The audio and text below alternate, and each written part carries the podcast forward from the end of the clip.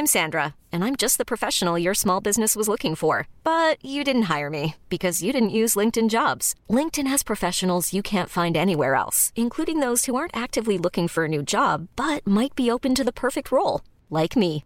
In a given month, over 70% of LinkedIn users don't visit other leading job sites. So if you're not looking on LinkedIn, you'll miss out on great candidates like Sandra. Start hiring professionals like a professional. Post your free job on linkedin.com/achieve slash achieve today. Wow. Nice. Yeah.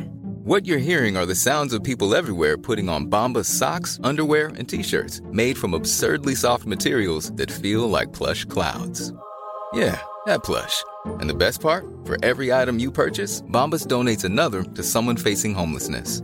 Bombas. Big comfort for everyone. Go to bombas.com slash ACAST and use code ACAST for 20% off your first purchase. That's bombas.com slash ACAST. Code ACAST.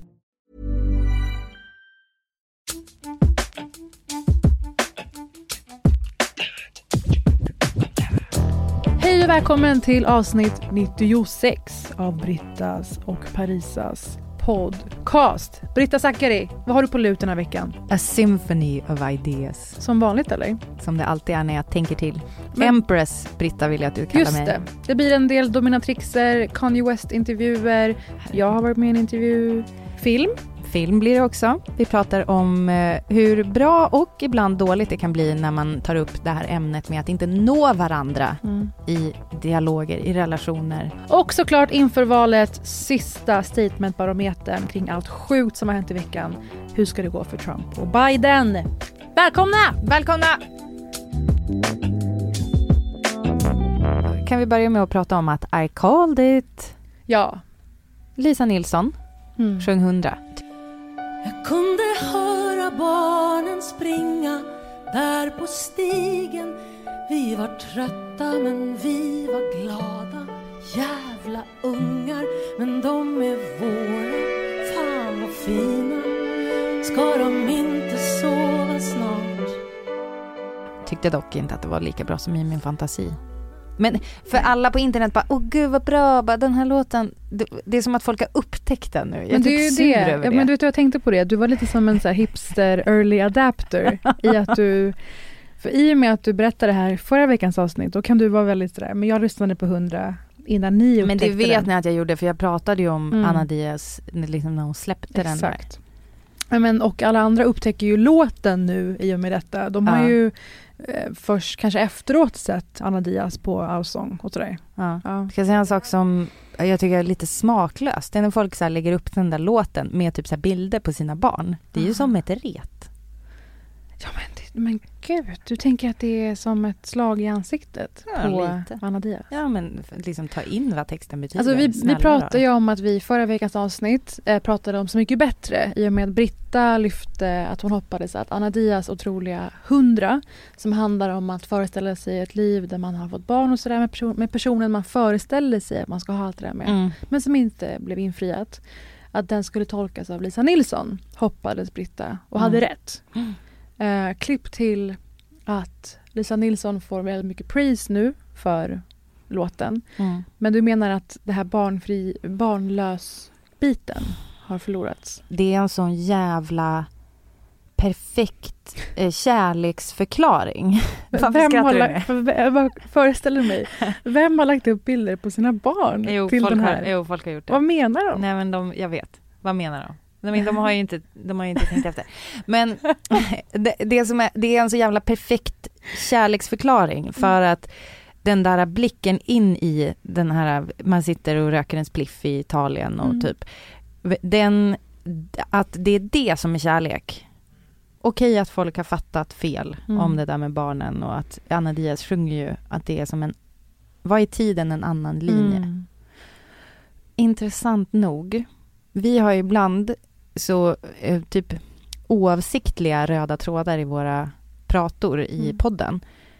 Jag har börjat läsa Johannes Anjurus eh, De kommer drunkna i sina mödrars tårar. Mm.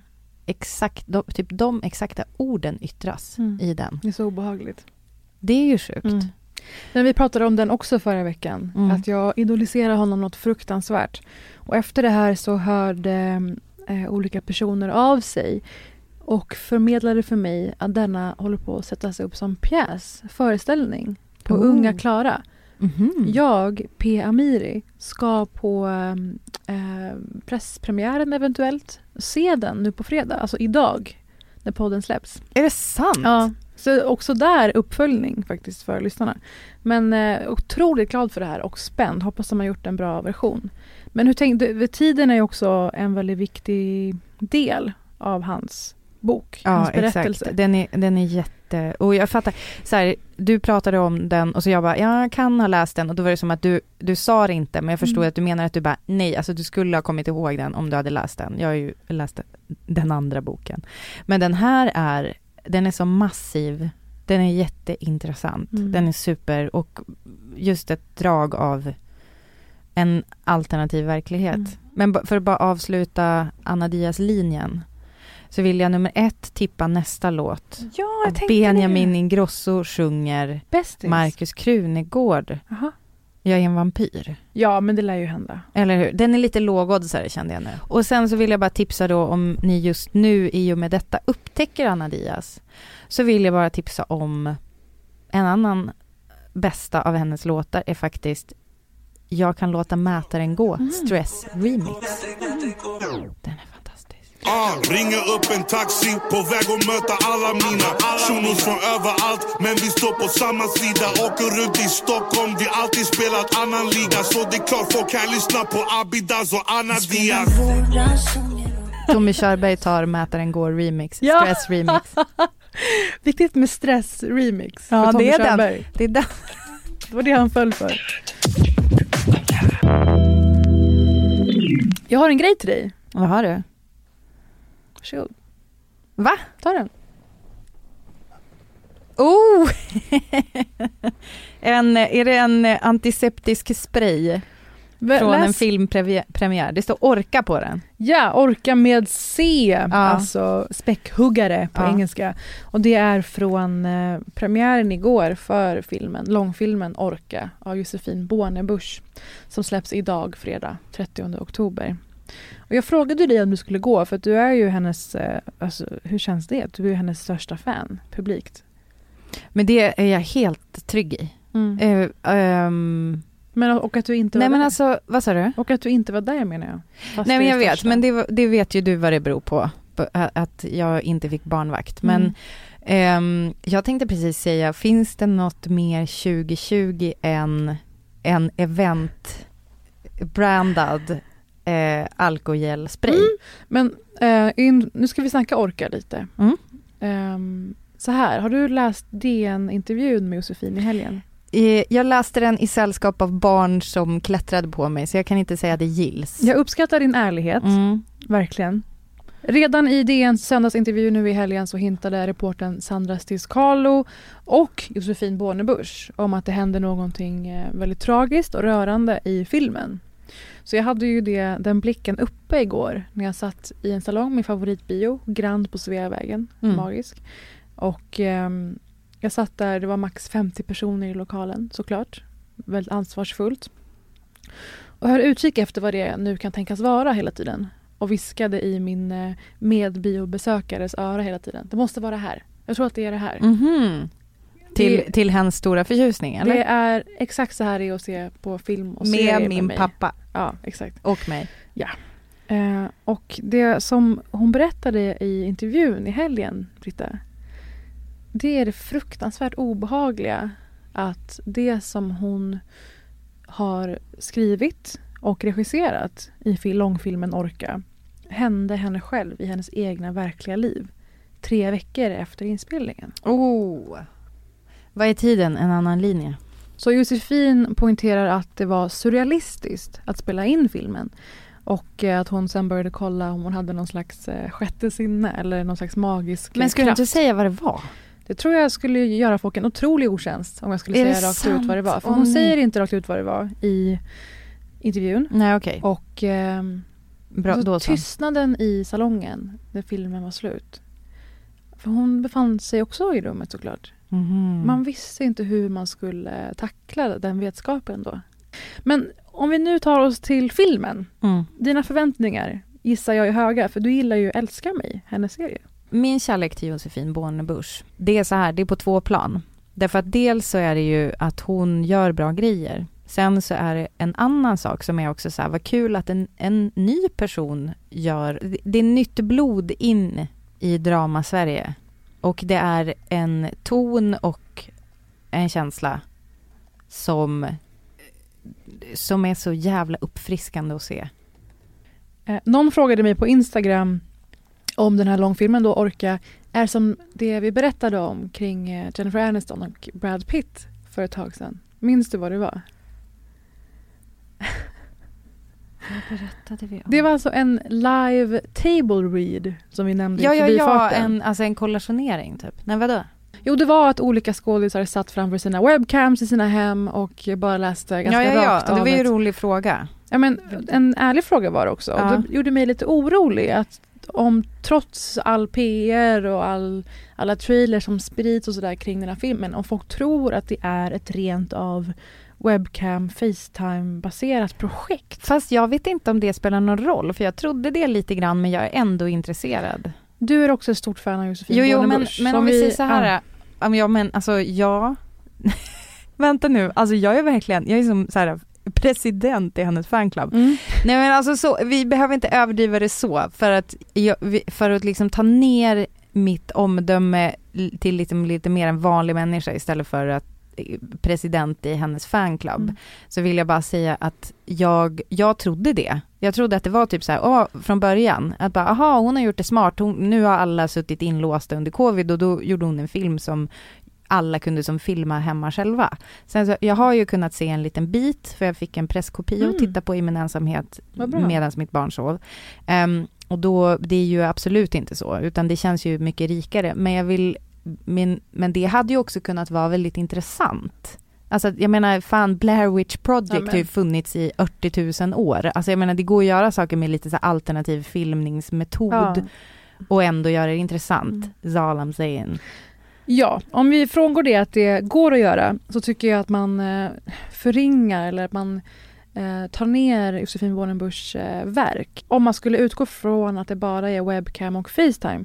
De har ju integrerat det väldigt snyggt i en proffsigt filmad riktig film. Så tro inget annat. För jag har anat att några har haft sina tvivel kring att gå till en biograf och se den här just för att de tror att det bara är ganska liksom, pajigt eh, Facetime-filmat allting. Mm.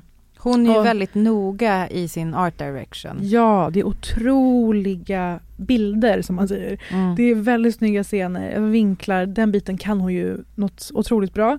I rollerna ser vi bland andra Johan Rheborg som går igenom någon slags livskris, skrev, skrev en roman. Alba August, Gustav Lind, eh, Marie Göransson, en otroligt eh, vass morsa. Vi har Joel Spira, Vera Vitali i en roll vi ska återkomma till. Där har jag ett frågetecken. Och så har vi Jerka Johansson, otroligt, eh, vilket eh, legacy ändå. Lyckats få vuxna människor att lägga ordet Jerka i sin mun. Istället för Erik. Ja, klipp inte ut att jag sa Jerka i min mun. Mm. Jag uppmanar ingen att göra det, som jag inte känner väldigt väl. Fast det är uttalet ändå key här. Vi har Peter Andersson, Rebecca Josefsson och Tova Magnusson. Och Döpte givetvis Bornebusch själv. Och sen vill jag också säga att man ska nog gärna se den här på bio. För det pratade vi om efteråt. Hade man blivit så eh, uppslukad om vi satt hemma, laptopen lite slappt i knät eller tvn på och, och telefonen i handen. Mhm. Och det tror inte jag skulle ha samma effekt. Men är det inte en Viaplay-film? Den går först ut på bio Mhm. idag fredag. Och så kommer den på Viaplay om några veckor. Det, Okej. det är vad jag lilla jag vet. Men älskling, vad pretentiöst du. Jag försöker hitta någonting nytt för fan! Sluta tycka så jävla synd om dig själv. Som världen kretsar inte kring dig. fan hittade inte din blogg? Han hittade inte ens hem från affären för 28 år sedan. Du är ett jävla troll. Unfollowa mig tack. Absolut. Tjo. Men gud, vad är det? Jag har inte våldfört mig på honom. Kan jag få se min dotter?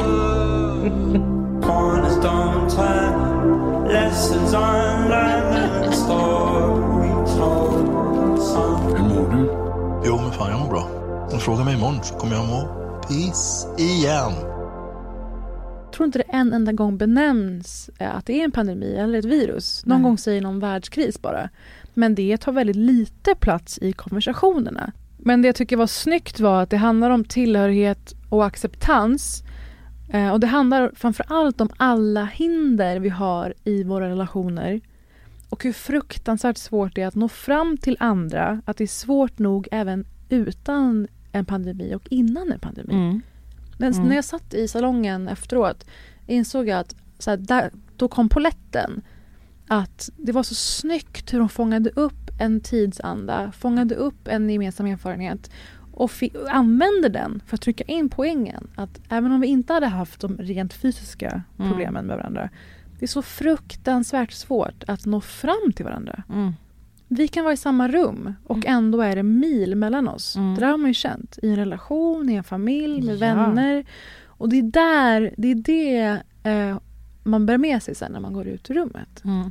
Så det var verkligen en sån, eh, någonting satte sig på ens bröst tillfälligt. Men det Den låter ju känslan. jättebra. Alltså det låter ju som att dialogen Mm. då har fått stå i centrum. Och är det något jag älskar så är det en god dialog. En välskriven. Mm. Och det där som vi faktiskt, nu får jag ett litet eko från mig själv när vi pratade om normal people. Mm. Att den är ju så himla mycket bygger på att det är så mycket mellan raderna. Mm. Att man märker att eh, Connell och What's her face, vad heter hon? Marianne. Marianne. Att de, de inte når varandra. Man märker det så himla mycket mellan raderna. Mm. Och hon nämner ju också Nor- Normal People i sin DN-intervju. Just det. Så hon gillar nog den, den stilen. Eh, och det jag också insåg när jag gick ut och skrev ner i min telefon. En episk film i det intima. Att i de här sjukt intima scenerna så lyckas hon göra en, liksom, en film som spänner över generationer på något sätt. Mm, du menar episk in a literal sense? Verkligen. Det jag ska säga en sak. Vera Vitali spelar ju en, eh, en influencer i vår tid och det är väldigt kul fångat tycker jag. Mhm. För att eh, det är en scen till exempel när hon eh, pratar om att hon har en ny tröja. Och så bara upprepar hon de här platt, plattityderna som vi ser de här personerna dras med. Så här, ja, den var svindyr, säg inte det till någon. Men hellre det än typ 20 billiga tröjor. Bara hela det här... ehm, Att förklara aldrig lyxkonsumtion. Ha, ja, aldrig ha en tydlig position och alltid ursäkta sitt beteende. Jag minns en så kallad influenceraktivist, om vi ska säga så, som eh, beklagade sig på internet över att en kvinna var så ful. Fula tunna läppar eller någonting. Mhm. Och fick så här, oj, jag trodde du var feminist. Eller så varför, Mhm. varför detta, denna stil? Och direkt kom ju, du kan ju föreställa dig hur hon politiserade sitt försvar. Med att tunna läppar är... Nej, jag vet inte. Vad då får man inte vara en dålig feminist? Ja, Där. den. Så Josefin Bornebusch genom då Vera Vitali så stod bra på att sätta fingret på den här uh, intetsägande, identitetslösa, bara motivera sitt beteende influensen. Mhm. Tycker det är väldigt roligt och väldigt snyggt gjort av Vera. Dock, intressant grej med Vera Vitali, det här står också med i trailern, här kan jag säga. Hon eh, är en influencer som försöker dölja sin graviditet för följarna. Förstår du varför jag hajade till på det här när jag såg filmen? Britta? Mm, ja, för att eh, det är populärt bland följare. Alltså det är typ en influencer-magi att vara gravid. Det är den största jackpotten för en kvinna i offentligheten just nu. Mm. Gärna typ skaffa barn nummer två också inom typ ett år efter den an- första. Åh herregud, ja! Hashtag Jannid. Nej men där ute, alla sponsorer, det är dammsugare och babybjörn och det är allt vad det är. Mm. Bara hovar in. Att du säger det på amerikanska sättet. Vilket då? Baby Björn. Äh, Men jag är internationell. Och eh, det är alltså den största värdeökningen en kvinna i offentligheten kan göra i sitt liv. Kontra då en icke-offentlig kvinna. Då är det den största värdeminskningen ju.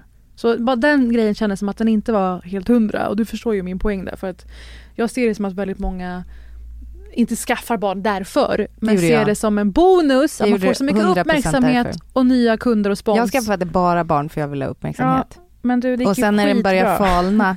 när barnet, men det är inte så classy när barnet blir så här stort. Alltså typ max fem år, sen måste man liksom skaffa ett nytt för att vara intressant igen. Mm. Och visa att ens eh, kropp är fruktbar. Just det. Och eh, fuckable. Fruktbar och fuckable, har ju Britta Zackari. Eh, Det så- heter min kommande självbiografi. Ja, absolut. vi ser fram emot den och tills dess så kan ni ju se den här filmen gärna på bio och jag är jättesugen på att ni hör av er om just det här som Josefin hintade om i DN och som händer i filmen. Och att ni, då kanske ni förstår också det här som jag far efter om hur svårt det är att nå fram till varandra även utan en världsomspännande pandemi. Jag vill dra en parallell från det där som du precis sa, Mm. för då kom jag att tänka på en film som jag såg som heter On the Rocks Mm. av Sofia Coppola. Och det är Rashida Jones och Bill Murray. Det är såklart det Eh. första jag gjorde sekunden den släpptes på Apple TV. Du, jag alltså den. riktigt begåvat av Apple TV att skicka flash i ens telefon. De bara, den finns nu. Jag Mm. bara, alltså har jag aldrig tryckt på något snabbare tror jag. Ehm, vi älskar ju, jag, jag vågar säga vi, älskar Ta dig friheten. Rashida Jones och Ja. Bill Murray. Och hur kan det vara, jag och Sofia Coppola. Ja. Ehm, och den filmen är, handlar då om en kvinna som är Rashida Jones som är en småbarnsmorsa Mm. i New York. Hon, ska, hon har fått eh, ett eh, förskott på en bok hon ska skriva. Det går inte så jättebra. Side note, i boken hon skriver har en huvudkaraktär som heter Håkan. Såg du det? Jag är så jävla nöjd att jag såg det! Jag bara, det här ska jag dra med Britta på podden. Och så hann du före din jävel. Fan vad sjukt! Ja, eh, den vill man ju i alla fall läsa mer av. Men, ehm, och hon har då den här situationen med sin man. Eh, en, ursäkta mig, det måste sägas, Mm. Ja. en fucking gorgeous. Han och hans brorsa Sean Wayans gjorde ju till exempel White Tricks och gjort väldigt, väldigt mycket mer. Ja, det- Men för mig är White Tricks, den står högt hemma hos mig. Är det så? Jag såg om den väldigt nyligen. Så Håller den i tiden? Den har sina poänger. Okej. Ja, så en, en, liksom en väldigt känd komikerskådis i alla fall axlar rollen som hennes eh, man i denna drama, eller dramedy är det Ja. ju, film. Och han är en, eh, sa du en tju- förtjusande man? Ja, jag tycker det. Eh, jag tycker också att de, det är, det är en väldigt, eh, på sätt och vis väldigt sann skildring av då det här med att eh, kanske man lever ihop, man har ett helt liv ihop, men man kanske inte riktigt når varandra, eller man väldigt tydligt inte når varandra. Mm. Och det, det är inte för mycket spoiler, för det ser man i trailern, att lite med hjälp av sin farsa, spelad av Bill Murray, så får Rashida Jones för sig, eller börjar misstänka att han kanske, hennes man kanske är otrogen. Mm. Och eh, det blir då liksom en slags, eh, nästan lite så här Jönssonligan-aktig. Äventyrs uppdragsfilm. Ja, exakt. Utvecklade sig i då att farsan drar med henne på att de ska typ skugga mannen eller gå Mm. till botten med det här, om han har en affär eller inte. He thinks you're my girlfriend. Grace. Been busy? Yeah, Dean's traveling with clients all the time, and I'm just the buzzkill waiting to schedule things. Just I'm so stuck. So Dean's going away a lot, huh? On business trips? Dad, Raise your hand if that sounds fishy. He's not like you. He's a good guy, a great dad. Sure, it's nature. Males are forced to fight, to dominate, and to impregnate all females. Jag skulle vilja säga på plussidan ligger absolut, nu nämnde jag Josefin Bornebuschs känsla för art direction, direction d'art. Mm. Hennes känsla för art direction eh, är otrolig. Sofia Coppolas filmer är ju till väldigt stor del visuella göttepåsar. Ja men alltså när de har varit ute och på, hämtat barnen på balett och de kommer hem och har några så här skitsnygga ballonger. Det jag tänkte på det, det är bara så här, det är perfekta färger i den här ballonghopen. Det är liksom, hon, hon, hon är hon är noga, det är väldigt fint foto. När Rashida Jones hoppar i poolen, det hade du skärmdumpat, hoppar i poolen med slöj, brudslöjan på. Det var så jävla snygga, Alltså smarriga jag bilder. gjorde ett ljud med min kropp nu. Mm. För att jag menar att hon inte främst är visuell. Alltså, så. Jag tycker att hon, alltså nej Mm. inte främst men jag tycker att det är Ett av väldigt stor del av henne är Liksom Wes Anderson har Exakt. en väldigt tydlig estetik.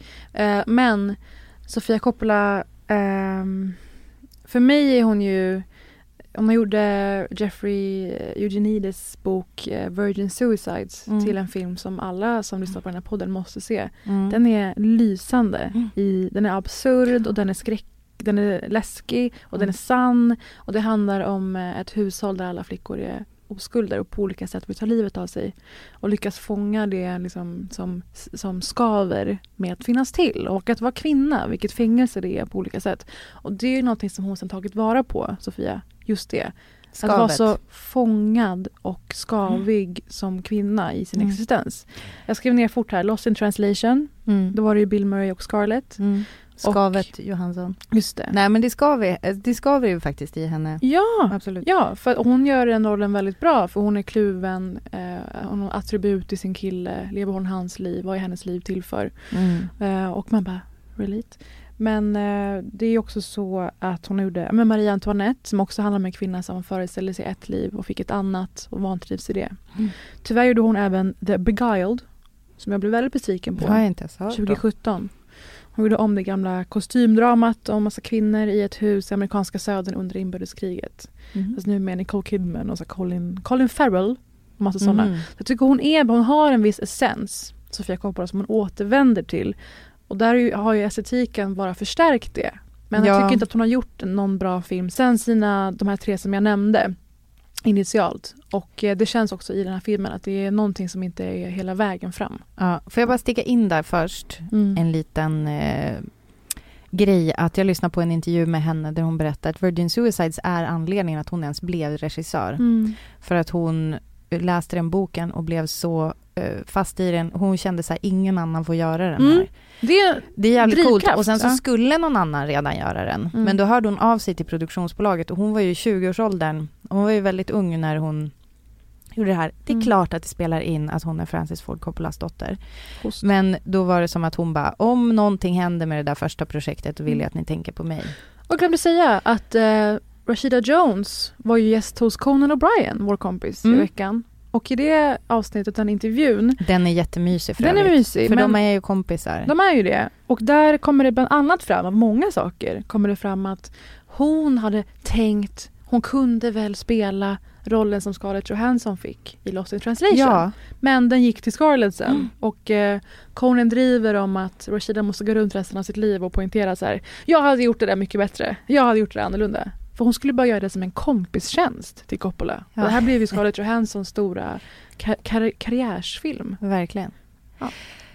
Precis som du är inne på så det, den är inte helt toppen den här filmen. Den blir liksom lite för pajig och framför allt så tycker jag att om vi tar nu temat som Mm. eh, det här med att inte nå varandra. För det är ju verkligen det den här filmen försöker säga. Mm. Både mellan Rashida Jones och hennes man men som vi fattar sen att det kanske också eh, mellan henne och hennes pappa är det ju också väldigt eh, struligt med kommunikationen och kanske att eh, förstå varandra. Mm. Och det tycker jag slarvas bort. Det blir liksom bara så här, åh, bygg, bygger upp, bygger upp, bygger upp och sen bara blä, så här på slutet. Det var som att de bara, oj, nu tog det slut med pengar Mm. eller oj, nu tog det slut med tid och så bara poff så slutar den så här tvärt och jag tycker inte riktigt att eh, hon tar om hand vad det här paret liksom skulle behöva gå igenom och Mm. inte heller vad Rashida Jones och hennes pappas. Alltså det är som att vi får, vi får se problemet men vi får inte riktigt se någon utveckling eller någon fördjupning. Det som jag ser i den här filmen är förutom det här att jag, jag ser trådarna i att eh, Sofia Coppola utvärderar och utforskar vad det är att vara kvinna i olika stadier av livet.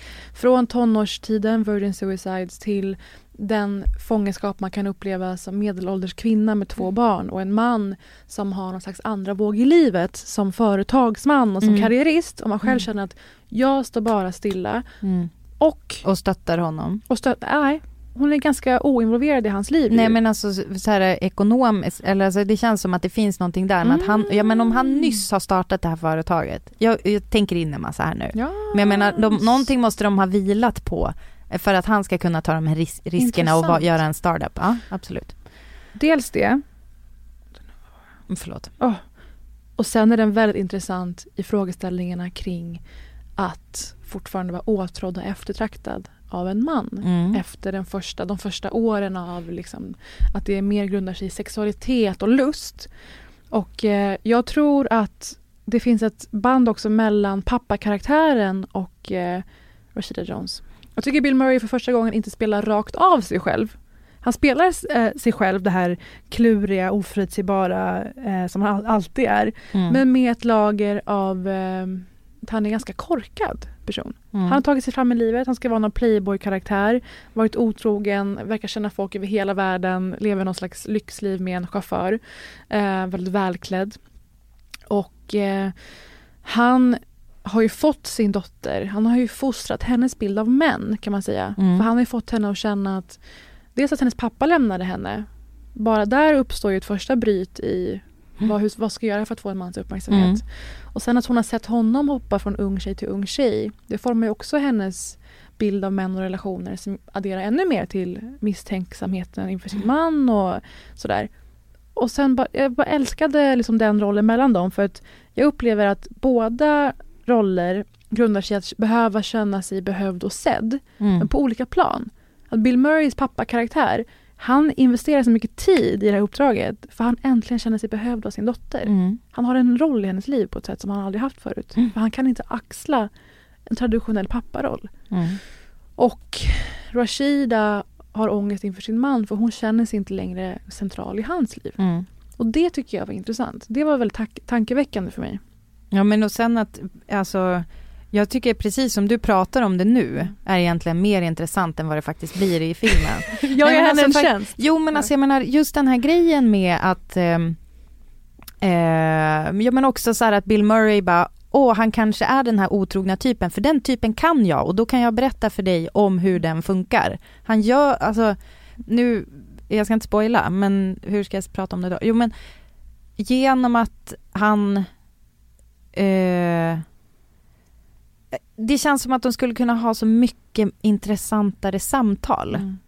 Så här känner- och, och jag tror, förlåt, men för att gå tillbaka till den där, eh, det som du sa om Coppola är liksom först och främst visuell och sånt där. Jag tycker att hon, det hon är bra på är att sätta en stämning.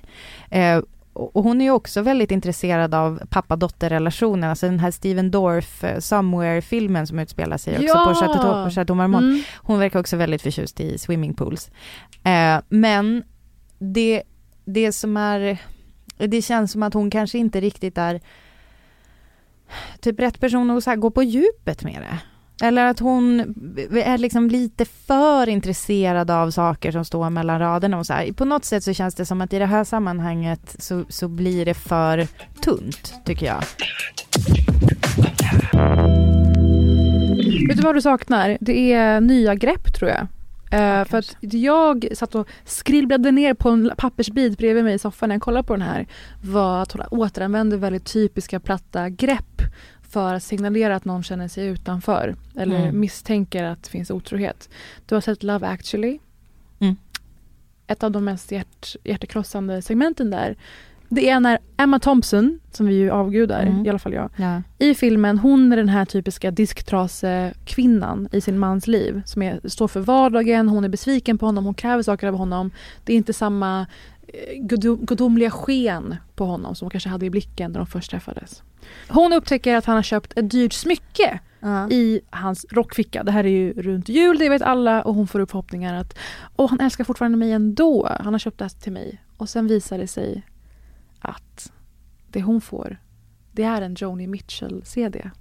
Och då sätter hon ihop alla punkter. Hon förstår att det där smycket ska till någon annan Mm. som han förärar med smycken. Och jag såg den här och kände dels mitt hjärta går i tusen bitar. Mm. Kommer aldrig lita på någon någonsin igen. Mm. Still haven't. Eh, dels kände jag Joni Mitchell är ändå personligt på ett plan. Mm. För det som Rashida Jones får i den här, det är next level. För hon Och det får, det, bra. här vet alla, den sista presenten från ett ex, det är alltid en praktisk present. Mhm. Och då vet man, we're through dude.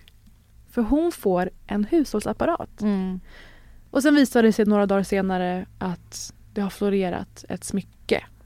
Så mycket kan vi säga. Det kan vi väl säga Nej, utan att spoila. det, ja precis, ja. Men du, hur reagerade du när du såg hushållsapparaten? Du lever ju med en man. Alltså presenter är en det är en konjunkturmätare. Hur står det till i relationen egentligen? Mm.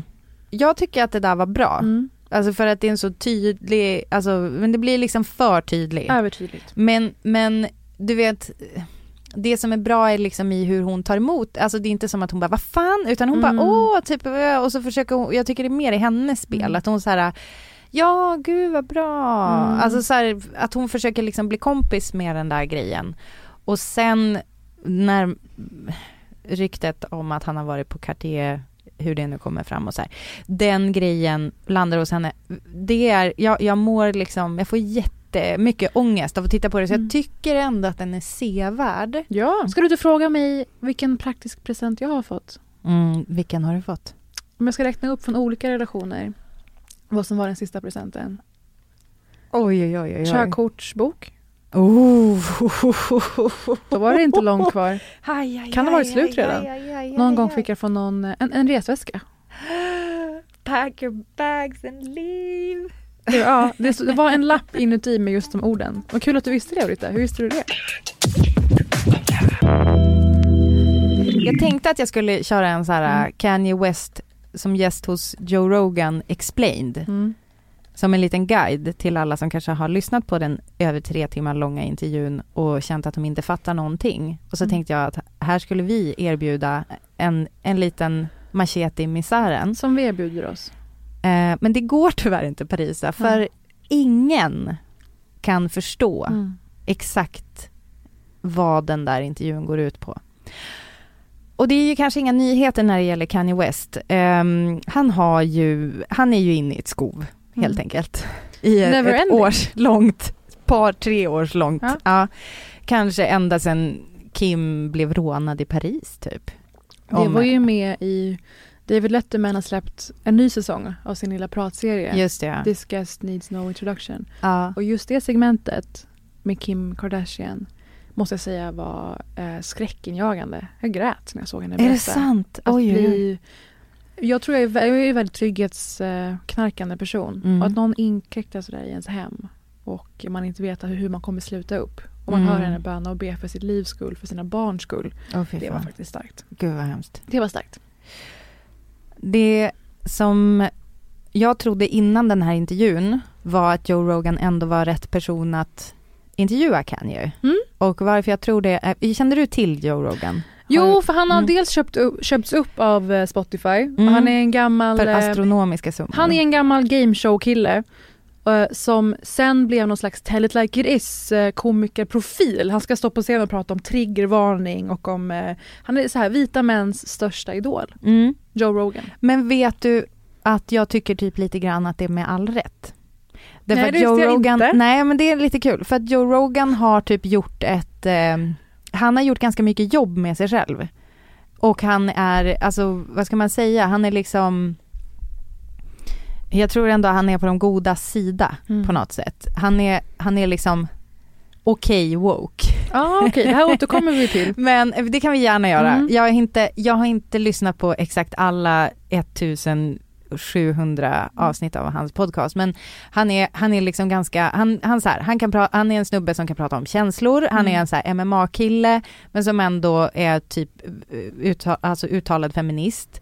För, Alltså det du beskriver är en fantasiperson. det här, okej ja, han är absolut, fortsätt. nej men alltså Ja. han är ju, han är ju, eh, jag, alltså jag är på, på inget sätt Mm. eh, så är det min personliga darling, utan jag förstår Mm. liksom varför han blir den personen och jag tycker på något sätt att han, ja men du sa ju så här att han är en så här tell it like it is, alltså lite så no bullshit kille Mm.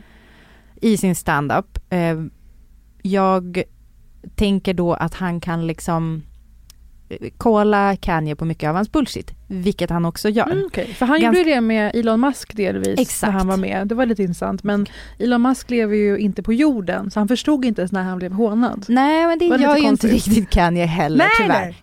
this is like a thought right now. It's like, is this a, a negative thought that I'm putting into the universe? But I have to say, like, when I was going on Twitter, I was thinking about Bruce and Brandon Lee. That crossed my mind to say, I'm, this is Sony. This is Universal.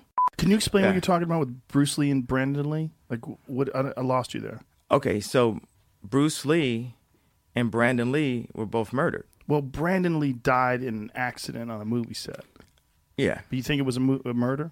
I felt it's that's a conspiracy, right? The conspiracy was that the Chinese triad killed him the same way they killed Bruce, but this, the the coroner's report was that Bruce died from a, a reaction to a medication, right? If you think mm-hmm. about like Bob Marley, they didn't just JFK or MLK him. There's mm-hmm. like reports that it was something in his toe or He had cancer, right? I believe he had a skin cancer. Yeah. Men det är alltid intressant vad som kommer vara den senaste referensen Kanye West dras med. Det är alltid någon ny person. Alexander den store, Steve Jobs, han, han rabblar bara namn i sitt huvud. Du kanske syftar på det som Kanye menar när han säger When I talk it's not a rant, it's a symphony of ideas. Så det, det tänker jag använda nästa gång någon säger att jag är typ incoherent eller när jag liksom snackar mumbo jumbo, då bara It's a symphony of ideas. kanon. Och det är det som är problemet med den här intervjun. Mm.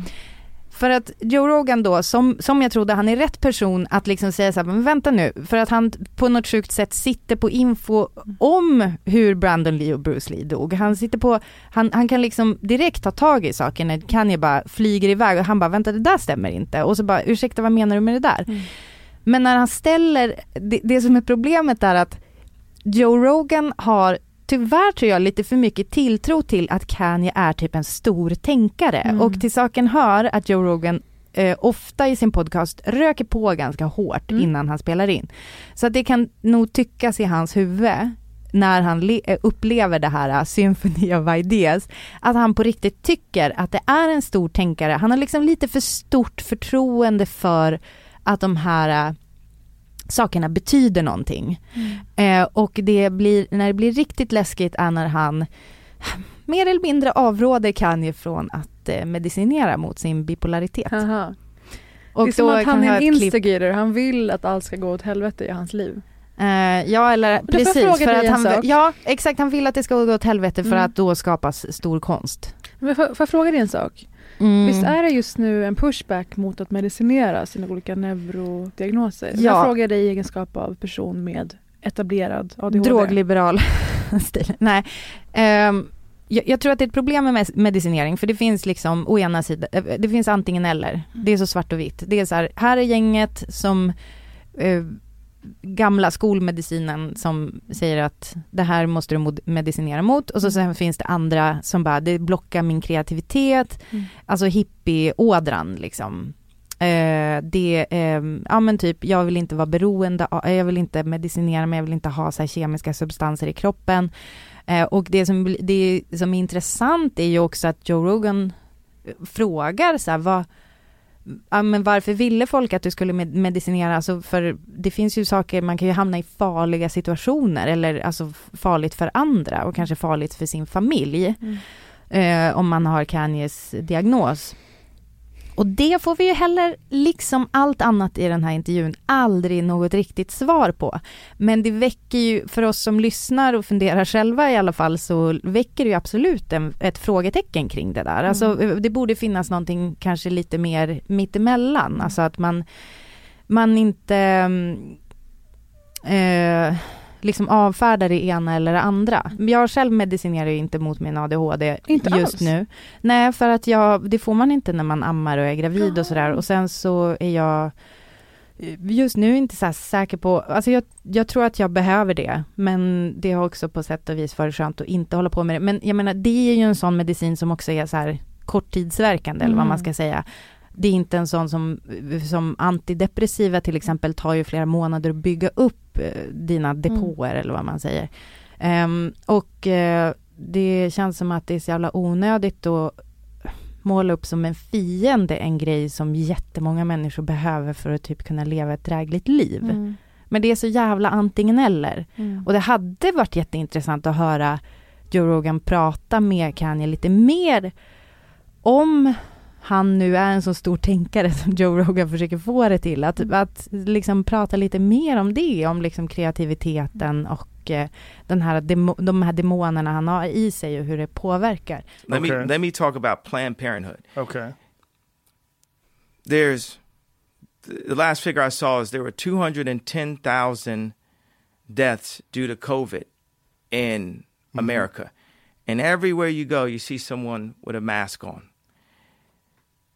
With a the a word a culture uh, i'll say it one time with abortion culture there are 1000 black children aborted a day daily. We are in genocide. We so more black children have died in the past since February than people have died of covid. Och det här pratade vi om för ett tag sedan, att han sågs på ett av sina presidentrallies när han fortfarande trodde att det var en möjlighet. Han tror Ja, fortfarande han det. tror det. för övrigt. 2024 kör han på. Stackars. Eh, nej men när det begav sig stod han och grät och skrek på scen att han nästan mördade sin dotter. Och man kan ju inte uttrycka sig så om ett foster, ska vi bara slå fast. Det är Mm. inte ett barn, det är inte en person, det är inte en, det är inte en full, fullt gången graviditet så att säga. Mm. Eh, men ja, han är, eh, jag tycker att det är både och med Kanye. Ja men alltså, och genom att säga sådär så är det ju också att man tar ju bort, alltså om du räknar liksom antal aborter Mm. du, du, som, en, som ett misslyckande, då tar du också bort den möjlighet kanske till ett, en helt annan livslinje om vi ska prata om Ja, ja. det här igen liksom med alternativa em, linjer i tiden och så vidare. Att människor som faktiskt har kanske kunnat få ett helt annat liv på Mm. grund av att de hade rätten till fri abort. Ehm, Nej men så här, aborter kommer alltid ske. Det enda det här reglerar är Ja. om de är trygga och säkra för kvinnan eller inte. Om hon riskerar sitt liv ja. på en illegal klinik eller inte. Eller gör det här rättssäkert. Aborter kommer alltid förekomma oavsett lagstiftning. Britta, det jag Mm. känner med Kanye är både och är att jag får lite ont i magen när folk har med honom i intervjuer överhuvudtaget. Ja, det är en tågolycka som folk vill stanna och Det titta känns på. dels opportunistiskt, att Verkligen. han verkar inte vara en person som mår bra och att man vill få klick och uppmärksamhet utifrån det. Dels känns det som att man har med ett troll som sitter och spri- sprider saker som inte är faktamässigt och som ibland är rent av stötande som det du sa nu. Mm, Så det jag känns inte undviker mer och mer intervjuer med tycker Ja, verkligen. det- Och det, jag tycker inte att man behöver ta del av den här intervjun för att jag tror, uh, liksom om så bara av den anledningen att man kommer typ inte fatta något. Så, det, nej, men så den tycker jag absolut att man kan skita att lyssna på. Vi har ändå tagit det viktigaste här, Ja. här och nu. Mm. Eh, en intervju jag däremot tycker man ska lyssna på, det är Paris Amir i Värvet. Ska man verkligen det? Ja, jag tycker det. Man hör nog av henne till exempel här. Mm, nej, Aha. för att det, du pratar ju, det är ju som på ett helt annat sätt faktiskt. Jag tyckte Mhm. att det var, hur ska jag säga, jag umgås ändå väldigt mycket med dig. Mm. Ehm, men det var ändå som att jag fick känna en ny sida av dig. Ditt She's All That ögonblick har jag aldrig hört om tror jag. Första gången jag hade klänning i skolan. Ja. 16 år gammal. Ja, eller alltså jag tror, jag tror att vi har pratat om fenomenet. Mm. Men just så här nedkokat, att det var just den speciella så här balen eh, ögonblicket. Men så, återigen, det här minns säkert inte de som jag gick i skolan med. Men det var min första gång som jag provade på att, vad är det RuPaul säger? You're born and the rest is drag. Man, Mm. man, man går ju i drag när man går ut som kvinna, kodad kvinna på stan. Och jag, det här begreppet pojkflicka är ju väldigt eh, eh, grumligt. Mm. Men var ju verkligen en person som drog på sig samma liksom, jeans och tröja varje dag och inte tänkte, jag tänkte säkert på det, men var obekväm liksom, i det där, att tillhöra det där. Och nu så, jag förstår ju varför han tar upp det. Ja, men för det att du jag tror att säger- Kristoffer tycker att det är så, att han verkar tycka att det är oväntat på något sätt. Ja, alltså det som du säger är ju så väldigt intressant för att Mm. du, mm, alltså om någon på din skola kommer ihåg eller inte, det är ju egentligen irrelevant. Mm. För det som är så intressant är vad som händer i dig. För det sjuka är att jag, jag relaterar också så hårt till det. För jag Mm. kommer också ihåg just en specifik händelse när jag hade på mig en tight klänning Mm. och bara vad händer med folk runt omkring? Det är jätteintressant. Det är det du beskriver, Mm. att plötsligt så var du någon, något annat i, Synlig. i deras ögon. Mm. Och nästa tanke, du gillade det inte. Mm. För det har jag också upplevt och många som jag känner, en person specifikt som jag pratade med om det där och så sen hon bara ja du vet och så spelar man lite på det och jag bara Alltså aldrig i livet. Och då, det blev som att helt plötsligt så var det, det är en person jag känner, ganska väl som, helt plötsligt så kändes det som att vi var liksom så mil Mm. ifrån varandra för att jag tyckte att det var så otroligt obehagligt. Eh, och jag, jag har egentligen inte mer på det än att jag tyckte det var väldigt intressant. Alltså jag menar vi ses så himla ofta och just den där grejen var jag vet att du har vidrört det tidigare Mm. men jag tycker att du beskrev det väldigt bra. Men det tveeggade kring att vara kvinna återigen, om vi ska dra parallellen från Coppola. Att det, det är så otroligt begränsat vad man får vara och inte vara och hur man to- uttolkas. Mm. Eh, och nu lider jag ju snarare av att folk drar slutsatser för att man ibland har smink i TV. Att det skulle på något sätt dra ner mitt, min kompetens och mitt kunnande. Mm. Det trodde jag aldrig skulle hända i mitt liv. Alltså om mitt eh, 16-åriga jag visste det. Ja. Vars liv då var slumpa artiklar på Wikipedia. Så kul att veta om någon sjö i Ryssland. Att någon skulle se ha mage att eh, försöka underminera vad jag kan och vad jag gör Mm. utifrån mitt utseende. Mm. Var det det du hajade till på, pojkflickeriet? Ja, dels det. Ja. Sen en annan grej som jag tyckte var lite mer grov. Mhm. Din pappa var ett fotbollsproffs på landslagsnivå. Men det förklarar väl hela hans personlighet? Ja, Ja. men jag visste inte det. Alltså det var verkligen så här polett som trillar ner. Alltså han har ju, det är så roligt, eh, att han har en så tydlig, Person. liksom, ja men alltså känd fotbollsspelare. Vill du se en bild på hur rippad min far var? Fortfarande ganska rippad. Men här är han kanske 25. Det är lite problematiskt men absolut. Åh jävlar! Nej men, varför tror du jag är en sån jävla biff? Ja det där var starkt. Väldigt mycket bröstmuskler. Ja. Det var ändå inte det som ha- hajade till på, utan det var det här. Så här, jag växte upp i Umeå. Ja. Jag tänker att det är ganska likt eh, Midsommarkransen och Hägersten. Alltså det är lite så här, det är lite kulturellt, det är lite Mm. medelklass, lite så. Mm. Jag, jag, skulle ändå, jag skulle ändå inte referera det till som orten. Nej, det var intressant. Hur tänker du? Eller hur, vad syftar du på? Jag syftar på när Kristoffer Triumf refererar till det som orten. Mm. Hur var det i orten? Mm. Är det orten? Alltså det är en ort, Mm. det är en förort, Mm. fast det är ju inte orten. Bromma är också Varför, en hur förort. ble, Bromma är också en förort. Varför blev det orten? Du menar att han skulle ha dragit någon slutsats utifrån mitt utseende? Att det lär ha varit en ort någonstans i historiken? Eh, det, det, det, det tänker jag inte spekulera i, Mm. men någonting var det ju med det som var väldigt konstigt. Okej, noterat. Eh, vidare. Man, jag tror man hör också att jag ibland Ja, följer upp vissa frågor med intressant att du säger det och försöker så. Ehm, och det är ju det, jag gör ju sällan sådana här personliga intervjuer. För Mm. att eh, det ofta blir må- många missuppfattningar. Det, det är också någonting han ägnar en ganska god del i början Mm. att prata om. Ja, men alltså att du inte är så privat av Mm. dig. Vilket ju stämmer. Alltså alla som lyssnar på den här podden vet ju det. Men, jag trivs ju eh, mycket bättre i att prata om det här. ja. För då pratar jag dels med dig, som jag vet har vettiga värderingar och inte kommer använda någonting jag säger mot mig. Eller feltolka det på något sätt utifrån någon slags grumlig, misogyn, rassig idé. För det har inte du. Jag skulle inte vara bekväm att göra det med någon annan. Och i, här kan jag också besluta mig i efterhand att så här, fast det här kändes inte bra. Ja. Jag lyfter nog hellre ur det och besparar mig själv konsekvenserna. Mm. Så det är det, jag har hittat min egen väg till det där. På något Mm. sätt. Men absolut ändå privat. Mm. Ja. Du är ju ganska öppen med våra lyssnare om Mm. det, att du ibland tycker att det är jobbigt att liksom öppna locket, Mm. Om man säger så. Eh, det, men ehm, jag tycker att det, jag tycker att det är liksom ändå på en ganska lagom nivå. Alltså det är väldigt intressant att höra. Jag tror inte alla vet liksom om din karriär och liksom din väg eh, framåt och sådär. Mm. S- jag tycker att det var, det var kul att så här, lyssna på en sån där intervju med någon man känner så bra och ändå vara så här, ja. Gud, jag led verkligen. när Jag Gjorde skulle du? lyssna Ja, igenom den. för jag Åh, förstår det. Fy, jag, ville, Ja. jag ville ju ta bort allt. Jag är förvånad att du ens gjorde det faktiskt. Ja, det var väl det för det här året. Absolut känner jag så, Britta. Att eh, det kommer ta ett tag att hämta mig från det. Och då är det väl jättebra om det kan ge någon någonting.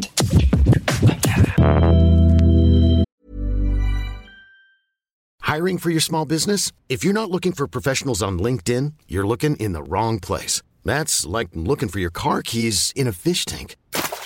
LinkedIn helps you hire professionals you can't find anywhere else, even those who aren't actively searching for a new job but might be open to the perfect role. In a given month, over 70% of LinkedIn users don't even visit other leading job sites. So start looking in the right place. With LinkedIn, you can hire professionals like a professional. Post your free job on linkedin.com slash achieve today. Since 2013, Bombas has donated over 100 million socks, underwear, and t-shirts to those facing homelessness. If we counted those on air, this ad would last over 1,157 days. But if we counted the time it takes to make a donation possible, it would take just a few clicks. Because every time you make a purchase, Bombas donates an item to someone who needs it. Go to bombas.com slash ACAST and use code ACAST for 20% off your first purchase. That's bombas.com slash ACAST, code ACAST. Det här är ju sista avsnittet innan en dag då hela världen kommer att hålla andan. Ja, herregud. Ja, herregud. Jag syftar på amerikanska valet nästa tisdag. Katastrofalt nog en vanlig tisdag. Och det är ju ett väldigt känt problem. Att man gör så. Ja. I ett av världens största i-länder. Men som har ett av de värsta valdeltagandena för ett i-land just. Nere, nere på 55 procent av 360-70 miljoner som röstar i det här landet. Första frågan Brita Zackari. Hur tror du att det går? Vem vinner valet? Åh herregud. Fy Du har ju fan. tagit dig så mycket luft här att du har gissat på Anna Diaz och Lisa Nilsson. Du får ta den här svåra frågan. Nej men Vem alltså det är, ju, det är ju jättesvårt för att jag tror ju, alltså jag vill inte jinx, jag vill inte jinxa något, inte för att jag överdriver min roll i eh, jinx-kedjan här fram till amerikanska valresultatet men alltså jag, jag tycker det är jättefarligt att Joe Biden har uh, segertippats. Det är alltid, jag blir alltid så stressad över sånt när, när det är så här, och den här leder i opinionsundersökningar för jag är så rädd att en massa väljare ska, ska ligga på sofflocket då istället. Som för fyra år sedan. Exakt.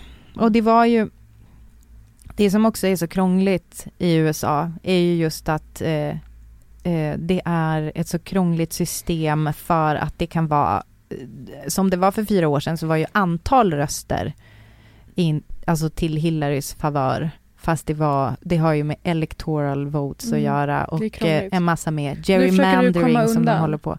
Kan Ja, du svara på frågan? Eh, jag, jag, eh, jag tror fan att Trump kommer vinna. Du gör det va? Ja, men jag vill inte. Jag tror det. Jag tror det. För jag, att jag, tror, att man också ställer sig in på det för att det ja, ska bli lättare. jag, jag, men jag försöker verkligen säga nu vad jag faktiskt tror. Mm. Och jag, jag, jag mår dåligt av d- den tanken. Och eh, i och med detta ska vi prata om statements. Och vi gjorde det för några år sedan skulle jag säga, ett tag sedan. Statementbarometern. Och tänker jag att du Britta ska avgöra om det här som har skett i veckan, om det har hur du, hur du ser på dess möjlighet att antingen omvända vissa väljare eller få fler att rösta, om det nu var det som var eh, poängen. Mm. Så det här är alltså statementbarometern, amerikanska valet! En väldigt känd person steppade upp som eh, berättarröst i en ny kampanj för Joe Biden. Och jag tror du kan höra vem det här är, så får du säga om du tror att det här kommer göra någon skillnad. America is a place for everyone. Those who chose this country, those who fought for it. Some Republicans, some Democrats, Vem är det? Brad Pitt. Ah, hur snabbt visste du? Vänta, jag har en godis i munnen. Det här är så inte USA-podden. To look you in the eye, treat you with respect, and tell you the truth. To work just as hard for the people who voted for him as those who didn't. To be a president for all Americans. I'm Joe Biden, and I approve this message. Vad tror du? Har Brad Pitt någon eh, verkan i valet? Som berättarröst i nya Syns han kampanjen? inte? Nej. Han är bara berättarröst? Ja. Nej. Slöseri eller? Slösli. Slö, slösli. Eh, Okej, vidare. Nästa exempel på statementbarometern. Daily Beast är en favoritsajt som avhandlar politik och debatter med vass ton och på löpande band. Uppmärksammade en väldigt intressant karaktär och Britta, vad tror du hon har för inverkan på valet? Meet the dominatrix forcing Trump supporters to vote Biden. Här får du se bilden också på dominatrixen det Mm. Perfekt. Mm. Hon kallar sig för Empress Delfina. Ja. Även jag ska börja slänga mig med Empress. Tänker jag. Ab- Absolut. Mm. Och det som det här går ut på alltså, det finns någon slags dominatrix-gren som går ut på förnedring. Mm. Det större delen av Ja, alltså då- dominatrixeriet tror jag. Ja, exakt. Jag har förstått det som att vissa till och med, och det här har jag hört på radio. Mm. Då är det sant. Nej men alltså det är roligt som att jag typ egentligen har kollat på sådana här sajter på internet men jag bara, eh, källa någon annanstans. Nej men alltså att det finns vissa som till och med deras eh, maktutövande går liksom ut på att de kanske har så här ditt bankkonto och typ så här köper en massa grejer och att det, då pirrar det till hos gubbarna. Nej men jag tror, jag tror på det här. Alltså jag tror att det Redan? kommer, ja alltså det kommer mer 100%. info. Nej men jag tror, alltså jag tror så här sex är, alltså när sex är inblandat då är det liksom, då är det bara raka vägen till framgång. Okej, Empress Delfina kallar, kallar detta för Trump conversion therapy. Och conversion therapy är ju intressant för det är någonting man har utsatt eh, barn som är homosexuella Homosexuella, för, ja. framförallt i the Midwest och liknande mormonfästen i Händer USA. även i Sverige, jag känner en som har varit med om det i Utbrett, Sverige. mycket utbrett, mycket fruktansvärt. Och hon använder ju negg som affärsidé kan man säga. Mm. Alltså total förnedring och betalar och, och tar då två dollars per minut för detta. Alltså det är perfekt. Hon blir rik och det kanske blir ett demokratiskt Mm. styre. Daily Beast frågade henne vad händer egentligen i sån här session? Och hon menar kanske hälften av killarna vill bara argumentera, vill bara diskutera. De är inte alls öppna. Och eh, jag är så här, och hon känner att så länge jag får mina två dollar i minuten så go right ahead. I am happy to profit off your stupidity just like your leader did. Oh snap! Oh snap! Empress Delfina. Och hon menar på att det här var ganska nära på hennes verksamhet redan. I det här citatet. I was already doing small penis humiliation with a lot of these guys. So jumping to political humiliation wasn't that much of a stretch. Men då slutar det ändå med att de skriver i den här poströstningslappen och lägger den på lådan. Jag tror inte att det är så, så tydligt utan det är att hon sitter i någon slags cam-situation med någon Mm. och gör ner den fullständigt för dess åsikter och inte bara för dens eh, lilla utrustning som vi ska utläsa här mellan raderna. Mm. Eh, small penis humiliation, det är det roligaste jag behövt säga på engelska Mm. i den här podden tror jag. Du tror på det här? Jag tror på det. Okej nästa grej. Bruce Springsteen i veckan berättade för Daily Telegraph i Australien att om Trump vinner då tar han sitt pick och pack, alltså the king of Jersey Mm. tar sitt pick och pack och flyttar till Australien.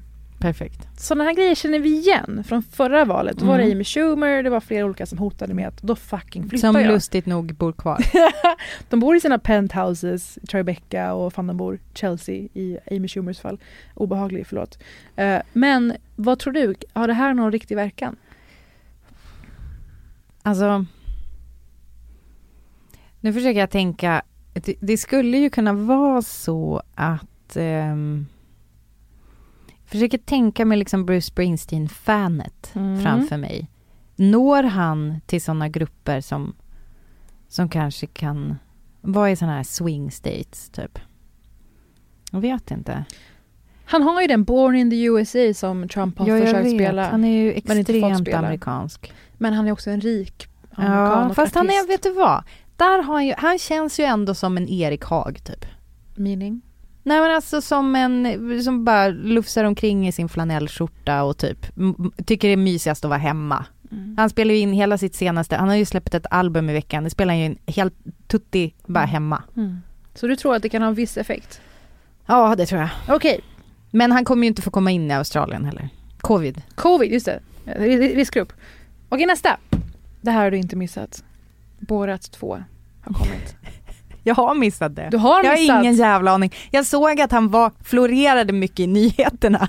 Jag tänkte bara, ja ja, nu har han vaknat till. Alltså Borat är intressant. Liksom Empress Delfina utnyttjar mäns dragning eller svaghet för sexualitet som du var inne på. Mm. Så är det så att Sacha Baron Cohen, som ju populariserade Borat, han utnyttjar rasismen Mm. för att fånga vissa gruppers uppmärksamhet och öra. Mm. Så tolkar jag den här gärningen. Det är som att poängen han gör för kanske dig och mig, att han driver med fördomar om invandrare. Och, ja precis, och judar va? Aj, jag fick ont av skratt! Eh, jag fick ont i njurarna, det var inte bra. Eh, det tillåter ju de här eh, hö-hö-killarna, som jag ibland kallar dem, att hö-höa åt LOL vad invandrare är dumma i huvudet. och under tiden kanske de tar till sig och absorberar lite av händelserna i filmen där Sacha Baron Cohen försöker visa på auktoritära ledare Mm. och faran i det. Det är väldigt mycket, du vet ju, my wife Mm. is nice, is nice. Mm. Och att han inte förstår hur en toalett fungerar. Att han inte förstår, alltså han spelar ju på att amerikaner tror att alla utanför USA lever så här, Mm. är så här. Men den poängen går inte fram till de här Nej, hö- precis. Chicken det- wings killarna. Ja. Utan de är ju bara såhär, Borat is nice. Du vet, det är så deras hjärnor går runt 24-7 året runt. så jag föreställer de få män jag har pratat med. En redan ökänd scen från den här nya filmen, Borat 2, är med Rudy Giuliani. Oh. Du vet vem det är? Ja. New Yorks förre borgmästare. Ja, och, Och han var också- ju ökänt rasistisk borgmästare. Mm. Ehm, Stapeln Frisk, han utsatte väldigt många afroamerikaner för överflödiga polisvisiteringar och det blev väldigt eh, stora fall kring det. Han har också anslutit sig väldigt tätt till Trump. Trump ja. Eh, och en kvinna som ska föreställa Borats dotter är med i den här filmen. Och i en scen som har blivit särskilt omtalad så går de in i ett hotellrum tillsammans. Hon och Giuliani? Ja. Efter att de ska ha haft en intervju för kazakstansk tv, tror Rudy. Så går de in i Vänta, ett han hotellrum. vet inte. Han känner inte Han vet till han- karaktär. Men för Borat är inte med i rummet. Borat är ju så känd nu så han måste ju använda just andra det. ibland. Och ehm, du måste va- hjälpa mig att utforska, alltså vad händer i den här se- scenen? Okej, jag måste se scenen. Shall we have a drink in the bedroom? What? What happened? There you go, my dear. Okay. There you be good. You can give me your phone number and your address.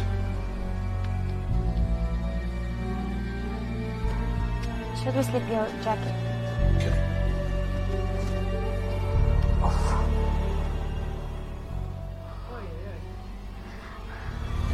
Put down your crumb. She's 15. She's too old for you. What- what- why are you dressed No, like she's my daughter. Please, take me instead. Take my anus. Så Giuliani går in med den här kvinnan. De, han måste typ rätta till sitt stånd. Och sen kommer Borat in. Hur då rättar han till sitt stånd? Han lägger sig ner på sängen och rättar till sin penis. Det här har diskuterats jättemycket. Mm. Om... Men vänta, vänta. Mm. Finns det andra sätt att tolka det här på? Mm. Tolkar du det här som att det var på väg att hända något sexuellt där inne? Som Rudy Giuliani ville skulle hända? Ja, som han ville skulle hända, absolut. Jag tycker inte hon riktigt såg ut att vara på väg åt det hållet. Hennes uppdrag går ut på att hon ska försöka ligga med Rudy Giuliani, tror hon. Alltså karaktären i filmen. Jaha, okej. Så hon vill det på ett hemskt plan. Ja. Ehm, det som har sen diskuterats är om Rudy Giuliani bara rättade till sina byxor eller om han Nej, faktiskt alltså- var sugen och ville ligga. Men alltså, hur kan det ens vara en diskussion? Mm. Vadå, så där rättar du inte till dina byxor. Om du rättar till byxorna, förslag, ta tag i byxtyget då, inte eh, dra ner en hand under och Varför krångla runt. ligger du på en säng? Varför går du in i ett hotellrum? Mm. Mörkt sovrum dessutom. Eh, och det här, senast Alex Schulman i helgen poängterade, han tyckte att det här var absolut inte en scen där de på- var på väg att ligga eller där Rudy var Nej, upphetsad. kanske. Ja, nej men alltså han är uppenbart upphetsad. Mm. Men sen om de var på väg att ligga eller inte Nej men det vet vi ju inte. Men, intentionen från honom menar du var sexuell? Nej men alltså jag tycker det är helt uppenbart. Men sen så, jag tänker vidare, alltså det, det, var, det är så jävla krångligt när det är så här äh, en spelfilm, eller liksom en Mm. Borat ehm, Både spelfilm och hidden camera. Ja exakt, alltså att det är en, eh, ett, eh, en skoj Men jag tolkade det definitivt som fast att Giuliani vet inte det. han trodde det skulle bli åka av. Mm. Där har vi min analys i korthet. Men alltså, ursäkta allas analys. Absolut. Det är jätte, alltså det, det är Och hans team menar på att nej jag fixar bara byxorna. Och det är en efterkonstruktion. Eh, Okej, vi måste lägga, vi måste lägga upp Mm. ett skärm, en skärmdump eller liksom en, ett klipp. på det här och så får folk säga om det är rätta till byxorna eller inte. Verkligen. För, så där, alltså, då kan man ha händerna utanpå byxorna. I samband med detta så skrev Sacha Baron Cohen en viktig text i Time Magazine om auktoritära samhällen. Och Giulianis dotter själv uppmanar folk att rösta på Biden. Hon menar på att hennes pappa är en korrupt gammal idiot. Mm. Eh, vad tror du, kommer båda två ha någon inverkan i valet? Det kommer en vecka innan ändå. Ehm, jag vet inte om... ja, men som du var inne på, eh, jag tror jättemycket att det flyger över huvudet på dem det egentligen är menat att eh, attackera. Ehm, att de tycker mer att det är så här, hö, hö, alltså typ vad roligt att han säger sådär om invandrare, inte typ kolla på den här kommentaren Mm. och den här satiren. Ehm, jag vet inte heller om Trump-väljarna bryr sig om att Giuliani... Så här, en grej som jag tror... Det låter ju helt sjukt om jag ska citera Joe Rogan nu, men jag tror att det var han som sa det. Mm. Att så här, en grej som folk inte räknar med Trump är att people are assholes. Mm. Och plötsligt så är det ett asshole som sitter där, som de kan rösta på. Så väldigt mycket i amerikanska valmaskineriet handlar ju liksom om att smutskasta varandra och också just det där, vi pratade för ett par avsnitt sedan om att det är väldigt viktigt att ha så här en, en fin familj, alltså Mm. att han är så här heterosexuell och gift och sådär. Mm. Men eh, så att det, det är som att amerikanerna tror att det är de, de, det de vill ha, en slags så här, präktyta. Men sen så är det som att Trump är ett asshole och att folk kan relatera till det. Ja. Alltså att folk faktiskt är assholes och inte så jävla, och också har tagit någon brud på rumpan någon gång och då tycker Skulle de liksom inte att det är ta- något problem. Så att jag Skulle tror vilja de, ta på fler rumpor. Ja exakt, Ja. och då tror inte jag de tycker det är problem att Giuliani får stånd när han är med den där heta bruden. Så De nej, tänker väl right on. jag tror det mer spelar dem i händerna faktiskt. Snyggt! Och där har vi det. Det är den sista statementbarometern Åh, innan det amerikanska valet. Jag vill bara säga det att eh, BBC-pärlan Years and Years, jag påminner återigen om denna fenomenala serie, bästa Ja. på tio år fan. Den kombinerar en familjeserie med Black Mirror, alltså dystopisk närframtid och den tar sin början i att Trump vinner valet igen. Jag bara lägger ut den där. Och sen så händer det väldigt sjuka saker runt om i världen. För att andra auktoritära krafter får ännu mer spelrum helt enkelt. Är kontentan av det hela. Så det kan man börja kolla på om man blir lite peppad. En som tyvärr inte ska titta på Black Mirror, Mm. men som tyvärr gör det, Mm. Kanye West. Ja, jag kan tänka mig. Vet du vad han egentligen borde titta på? Nej. Johannes Anjurus kommande tv-serie De kommer drunkna i sina mödrars tårar. Evin Ahmad, ge henne rollen. Ja! Ja, släpp mig. Tack för att ni har lyssnat ännu en vecka. Vi får eh, marinera mer nästa vecka. Allt det, det som hände inför valet och allt annat som händer den här veckan. För det händer alltid någonting varenda vecka. Ja, helt sjukt. Det är det roligaste och jobbigaste med vårt jobb. Puss och kram på er. Puss och kram, adjö! Adjö.